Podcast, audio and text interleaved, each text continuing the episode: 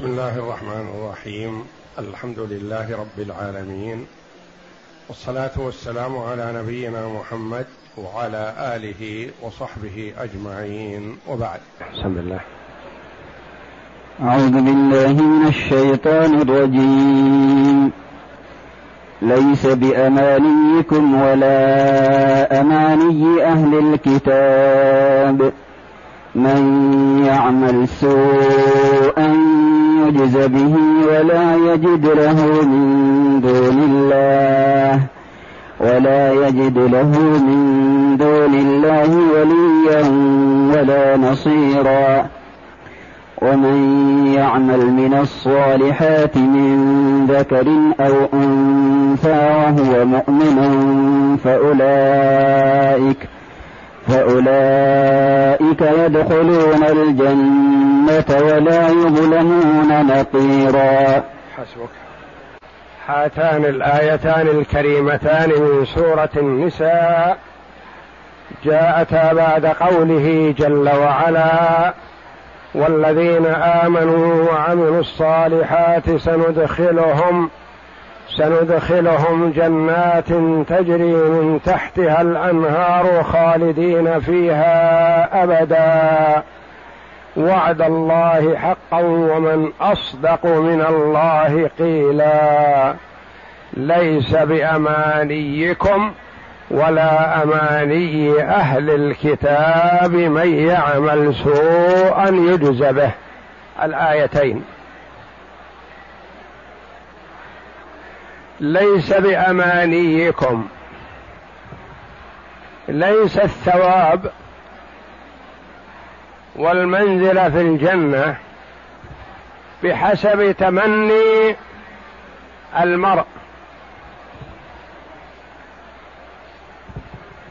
وإنما هو بالعمل الصالح. يفوز وبالعمل السيء يخسر. ليس بأمانيكم ولا أماني أهل الكتاب. جاء في سبب نزولها أن اليهود قالوا كتابنا قبل كتابكم ونبينا أفضل من نبيكم فنحن أفضل منكم في الدار الآخرة. فقال المسلمون كتابنا مهيمن على الكتب ونبينا خاتم الرسل فنحن أفضل منكم. وجاء أن اليهود والنصارى والمسلمين تفاخروا فأنزل الله جل وعلا ليس بأمانيكم ولا أماني أهل الكتاب. ليست المسألة بالتمني أو بأن يعد الإنسان نفسه الخير أو يقول لي مرتبة في الدار الآخرة عند الله بكذا. ليس هذا الأمر صحيح وإنما بالعمل الصالح ينال العبد العبد الدرجة العالية. وبالعمل السيء يخسر ويخفق والعياذ بالله. ليس بأمانيكم ولا أماني أهل الكتاب. المراد بأهل الكتاب قيل اليهود لأنه حصل التفاخر بينهم وبين المسلمين وقيل المراد بهم هنا أهل الكتاب اليهود والنصارى. من يعمل سوءا يجز به. من عمل سيء من أي طائفة من أي فئة من أي أحد من الناس يجزى به. يقول أبو بكر رضي الله عنه هذه قاصمة الظهر يا رسول الله.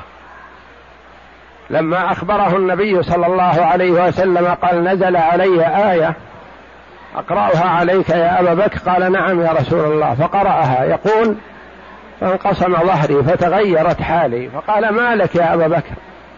قلت يا رسول الله هذه قاصمة الظهر. وأينا لم يعمل سوء؟ من يعمل سوءا يجزى به. كلنا كذلك. فقال يا أبا بكر أنت وإخوانك من المؤمنين تجزون بها في الدنيا وتقدمون على الله جل وعلا ولا سيئة عليكم.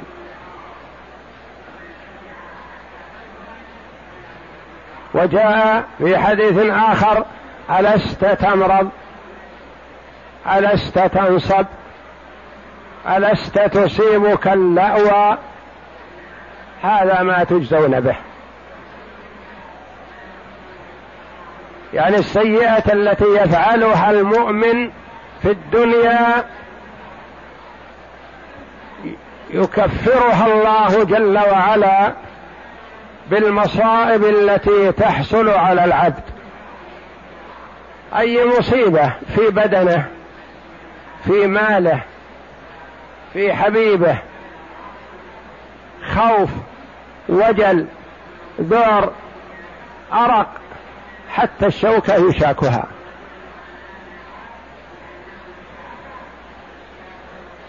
حتى البضاعة يضعها في كمه. فيلتفت فلا يجدها فيرتاع. فإذا هي بها في جيبه. هذه يكفر الله عنه بها من سيئاته. ليس بأمانيكم ولا أماني أهل الكتاب من يعمل سوءا يجز به.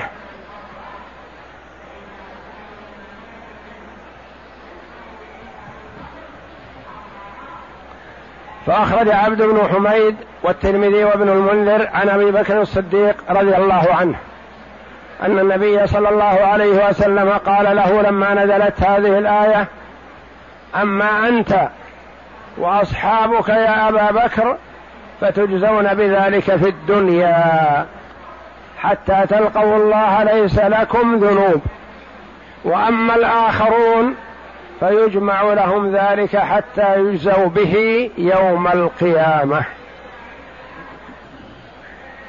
وأخرج البخاري ومسلم وغيرهما عن أبي هريرة رضي الله عنه وابي سعيد الخدري رضي الله عنه انهما سمعا. رسول الله صلى الله عليه وسلم يقول ما يصيب المؤمن من وصب ولا نصب ولا سقم ولا حزن حتى الهم يهمه إلا كفر الله به من سيئاته. وقد ورد هذا المعنى في أحاديث كثيرة.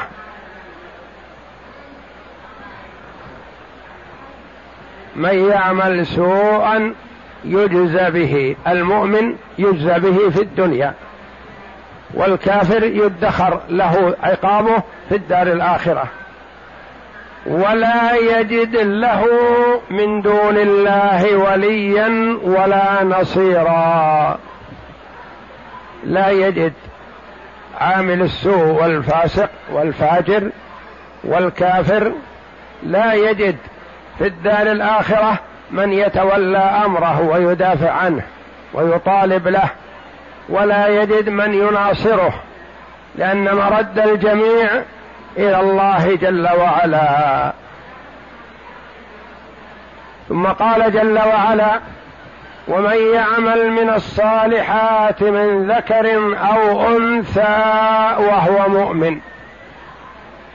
الذكر والأنثى في العمل الصالحات سواء الذكر ينال ثوابه والأنثى تنال ثوابها.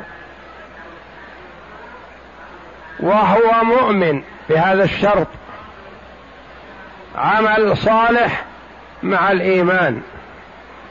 إذا تجرد عن الإيمان فلا فائدة فيه حينئذ. وهو مؤمن فأولئك يدخلون الجنة. لما ذكر أولئك لا يجدون لهم من دون الله وليا ولا نصيرا قال عن هؤلاء يدخلون الجنة. ولا يظلمون نقيرا. لا يظلمون نقيرا. لا يزاد في سيئاتهم. مقدار النقير ولا ينقص من حسناتهم مقدار النقير. والنقير هو الحبة التي تكون في النقرة التي في ظهر النواة نواة التمر في ظهرها نقرة. منها تنبت النواة فتكون نخلة. الحبة هذه هي النقير. ما يظلم بمقدارها. وجاء في النواة ثلاثة أشياء. النقير والقطمير والفتيل. فالنقير النقرة التي في ظهرها. والفتيل الخيط الذي في بطنها. في الشق الذي في طول النواة في داخله مثابة خيط. هذا الفتيل والقطمير اللفافة التي تكون في النواة في العبسة. هذه حقائر ذكرها الله جل وعلا أنه لا يظلم العبد بمقدارها أو بالاستخفاف بالآلهة أنها لا تملك فتيلا ولا تملك قطميرا. يعني ليس لهم من الأمر شيء. ولا يظلمون نقيرا. ما يظلم المحسن ولا المسيء. فالمحسن لا يظلم بالبخس من حسناته أو الزيادة في سيئاته إن كان له سيئات. كذلك المسيء لا يهضم ولا يظلم بأن يتناسى شيء من حسناته أو يزاد على شيء من سيئاته. وإنما من يعمل الخير يجده موفورا كاملا مزادا من عند الله جل وعلا. لأن الزيادة في العطاء والحسنات كرم من الله جل وعلا. والله جل وعلا هو أهل الكرم. والزيادة في السيئات أو النقص من الحسنات ظلم. والله جل وعلا منزه عن الظلم. فهو جل وعلا يزيد في الحسنات ولا يزيد في السيئات. وينقص من السيئات ولا يزيد فيها تبارك وتعالى. اقرأ. قال قتادة رحمه الله تعالى ذكر لنا أن المسلمين وأهل الكتاب افتخروا. فقال أهل الكتاب نبينا قبل نبيكم. وكتابنا قبل كتابكم فنحن أولى بالله منكم. وقال المسلمون نحن أولى بالله منكم ونبينا خاتم النبيين وكتابنا يقضي على الكتب التي كانت قبله فأنزل الله ومهيمن عليها يعني مشتمل عليها وزيادة. نعم. فأنزل الله ليس بأمانيكم ولا أماني أهل الكتاب. من يعمل سوءا يجز به. ومن أحسن دينا ممن أسلم وجهه لله وهو محسن. الآية. ثم أفلج الله. أهل الكتاب نحن أبناء الله وأحباؤه. وقالوا لن تمسنا النار إلا أياما معدودة. فهم يتمنون هذا ويقولون على الله الافتراء والكذب. نعم. ثم افلج الله حجة المسلمين على قال بعضهم لن يدخل الجنة إلا من كان هودا أو نصارى كما ذكر الله جل وعلا ذلك عنهم. وهذا مجرد أماني وقول على الله بلا علم. ثم ثم أفلج الله حجة المسلمين على من ناوأهم من أهل من أهل الأديان. وكذا روي عن ابن عباس رضي الله عنهما أنه قال في هذه الآية تخاصم أهل الأديان فقال أهل التوراة كتابنا خير الكتب ونبينا خير الأنبياء وقال أهل التوراه اليهود ويقصدون بنبيهم موسى عليه الصلاة والسلام وقال أهل الإنجيل مثل ذلك. وأهل الإنجيل ونبيهم عيسى على نبينا وعليه أفضل الصلاة والسلام. نعم. وقال أهل الإسلام لا دين إلا الإسلام وكتابنا نسخ كل كتاب. وهو الصحيح لأن الله جل وعلا يقول ومن يبتغي غير الإسلام دينا فلن يقبل منه. وهو في الآخرة من الخاسرين. وقال النبي صلى الله عليه وسلم والله لا يسمع بي يهودي ولا نصراني ثم لا يؤمن بي إلا كان من أهل النار. ولما رأى صحيفة من التوراة في يد عمر رضي الله عنه غضب صلى الله عليه وسلم وقال أفي شك أنت يا ابن الخطاب؟ والله لو كان أخي موسى حيا ما وسعه إلا اتباعي. وعيسى عليه الصلاة والسلام ينزل في آخر الزمان ويحكم بشريعة محمد صلى الله عليه وسلم ولا يحكم بالإنجيل لأن الإنجيل منسوخ. وقال أهل الإسلام لا دين إلا الإسلام وكتابنا نسخ كل كتاب ونبينا صلى الله عليه وسلم خاتم النبيين. وأمرتم وأمرنا أن نؤمن بكتابكم ونعمل بكتابنا. فقضى الله بينهم وقال ليس بأمانيكم ولا أماني أهل الكتاب من يعمل سوءا يجز به. الآية وخير بين الأديان فقال ومن أحسن دينا ممن أسلم وجهه لله وهو محسن إلى قوله واتخذ الله إبراهيم خليلا. أسلم وجهه لله يعني استسلم. والإسلام هو الاستسلام لله بالتوحيد والانقياد له بالطاعة والخلوص من الشرك. فالمسلم معنى مسلم لأنه مستسلم لله تبارك وتعالى. والله جل وعلا يقول ومن يبتغي غير الإسلام دينا فلن يقبل منه. لا دين بعد بعثة محمد صلى الله عليه وسلم سوى الإسلام. وقال مجاهد رحمه الله قالت العرب لن نبعث ولن نعذب. وقالت اليهود والنصارى لن يدخل الجنة إلا من كان هودا أو نصارى المشركون ينكرون البعث. واليهود والنصارى يؤمنون بالبعث ويقول لن يدخل الجنة إلا اليهود والنصارى فقط. وليسوا كذلك يقولون وإنما يقول اليهود ما يدخل الجنة إلا اليهود لأنهم يقول النصارى ليسوا على شيء. والنصارى تقول لن يدخل الجنة إلا النصارى واليهود ليسوا على شيء.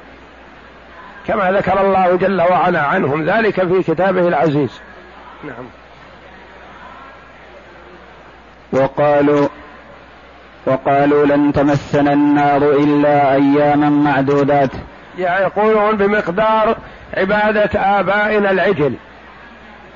الأيام التي عبدوا فيها العجل مدة ذهاب موسى للقاء ربه تبارك وتعالى عبدوا العجل. يقول تمسنا النار أيام عبادة آبائنا العجل فقط ثم نخرج منها. والمعنى في هذه الآية أن الدين ليس بالتحلي ولا بالتمني ولكن ما وقر في القلوب وصدقته الأعمال. ليس بالتمني ولا بالتحلي يعني ما هو بالمظهر والظاهر ولا ليس بأن يقول الرجل أنا مؤمن أنا تقي أنا من أهل الجنة أنا أطيع الله. ليس هذا ولا هذا ولكن ما وقر في القلب الإيمان الذي في القلب ويصدقه العمل. مع إيمان القلب عمل. وتقدم لنا أنه دعوى الايمان بدون عمل غير صحيحة إلا من لم يتمكن من العمل. آمن ثم مات لم لم يتمكن من العمل.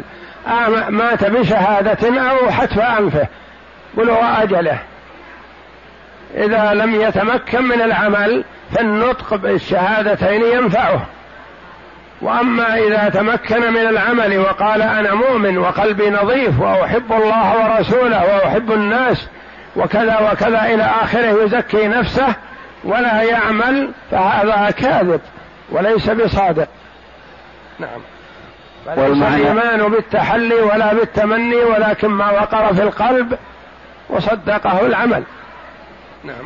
والمعنى في هذه الآية أن الدين ليس بالتحلي ولا بالتمني ولكن ما وقر في القلوب وصدقته الأعمى وصدقته الأعمال وليس كل من ادعى شيئا حصل له بمجرد دعواه ولا كل من قال إنه هو على الحق سمع قوله سمع قوله بمجرد ذلك حتى يكون له من الله برهان. ولهذا قال تعالى ليس بأمانيكم ولا أماني أهل الكتاب من يعمل سوءا يجز به. أي ليس لكم ولا لهم النجاة بمجرد التمني بل العبرة بطاعة الله سبحانه واتباع ما شرعه على ألسنة الرسل الكرام صلوات الله وسلامه عليهم أجمعين. ولهذا قال بعده من يعمل سوءا يجز به كقوله فمن يعمل مثقال ذرة خيرا يره ومن يعمل مثقال ذرة شرا يره. الذرة هي أصغر شيء هي إما أن يكان يقال يراد بها النملة الصغيرة جدا أو يراد بها الذرة الحبة التي ترى حال دخول الشمس من كوة إلى غرفة يرى في طريق الشمس حبيبات صغيرة. لو أردت أن تمسك شيئا منها ما استطعت. هذه يطلق لها ذرة. فمن يعمل مثقال واحدة من هذا من الخير فهو مدخر له محفوظ له. ومن عمله من السوء فهو ما عليه إلا إن عفى الله جل وعلا عنه. والله جل وعلا أهل العفو والكرم. وقد روي أن هذه الآية لما نزلت شق ذلك على كثير من الصحابة رضي الله عنهم. من يعمل سوءا يجزى به نعم. قال الإمام أحمد رحمه الله بسنده أخبرت أن أبا بكر رضي الله عنه قال يا رسول الله كيف الفلاح بعد هذه الآية؟ ليس بأمانيكم ولا أماني أهل الكتاب من يعمل سوءا يجز به فكل سوء عملناه جزينا به. فقال النبي صلى الله عليه وسلم غفر الله لك يا أبا بكر ألست تمرض ألست تنصب ألست تصيبك الأوباء ألست تصيبك الأواء؟ قال بلى. قال فهو مما تجزون به. المرض المرض. تنصب تتعب. تسعى تتعب من شيء ما وإن لم يكن مرض. والمصائب التي تصيب الإنسان أيا كانت في ماله في بدنه شدة غلبة ونحو ذلك. وروى أبو بكر بن مردوي عن أبي بكر الصديق رضي الله عنه قال كنت عند النبي صلى الله عليه وسلم فنزلت هذه الآية من يعمل سوءا يجز به ولا يجد له من دون الله وليا ولا نصيرا. فقال رضي الله فقال رسول الله صلى الله عليه وسلم يا أبا بكر ألا أقرئك آية أنزلت علي؟ قلت بلى يا رسول الله. قال فأقرأنيها فلا أعلم أني قد وجدت انفصاما في ظهري حتى تمطيت لها. فقال رسول الله صلى الله عليه وسلم ما لك يا أبا بكر؟ قلت بأبي انفصم ظهري انفصم ظهري حتى تمطيت يعني حاولت أتحرك ما استطعت لما سمعت من رسول الله صلى الله عليه وسلم. فقال رسول الله صلى الله عليه وسلم ما لك يا أبا بكر؟ قلت بأبي أنت وأمي يا رسول الله وأينا لم يعمل السوء؟ وإنا لمجزيون بكل سوء عملناه فقال رسول الله صلى الله عليه وسلم أما أما أنت يا أبا بكر وأصحابك المؤمنون فإن فإنكم تجزون بذلك في الدنيا حتى تلقوا الله ليس لكم ذنوب. أصحابك المؤمنون بالله واليوم الآخر. نعم. وأما الآخرون فيجمع ذلك لهم حتى يجزوا به يوم القيامة. وقال ابن جرير رحمه الله لما نزلت هذه الآية قال أبو بكر رضي الله عنه جاءت قاصمة الظهر فقال رسول الله صلى الله عليه وسلم إنما هي المصيبات في الدنيا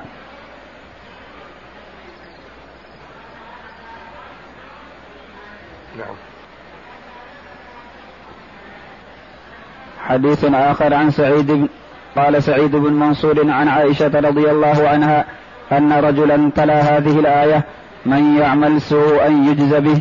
فقال إنا لنجزى بكل ما عملناه هلكنا إذا فبلغ ذلك رسول الله صلى الله عليه وسلم فقال نعم يجزى به المؤمن في الدنيا في نفسه في جسده فيما يؤذيه.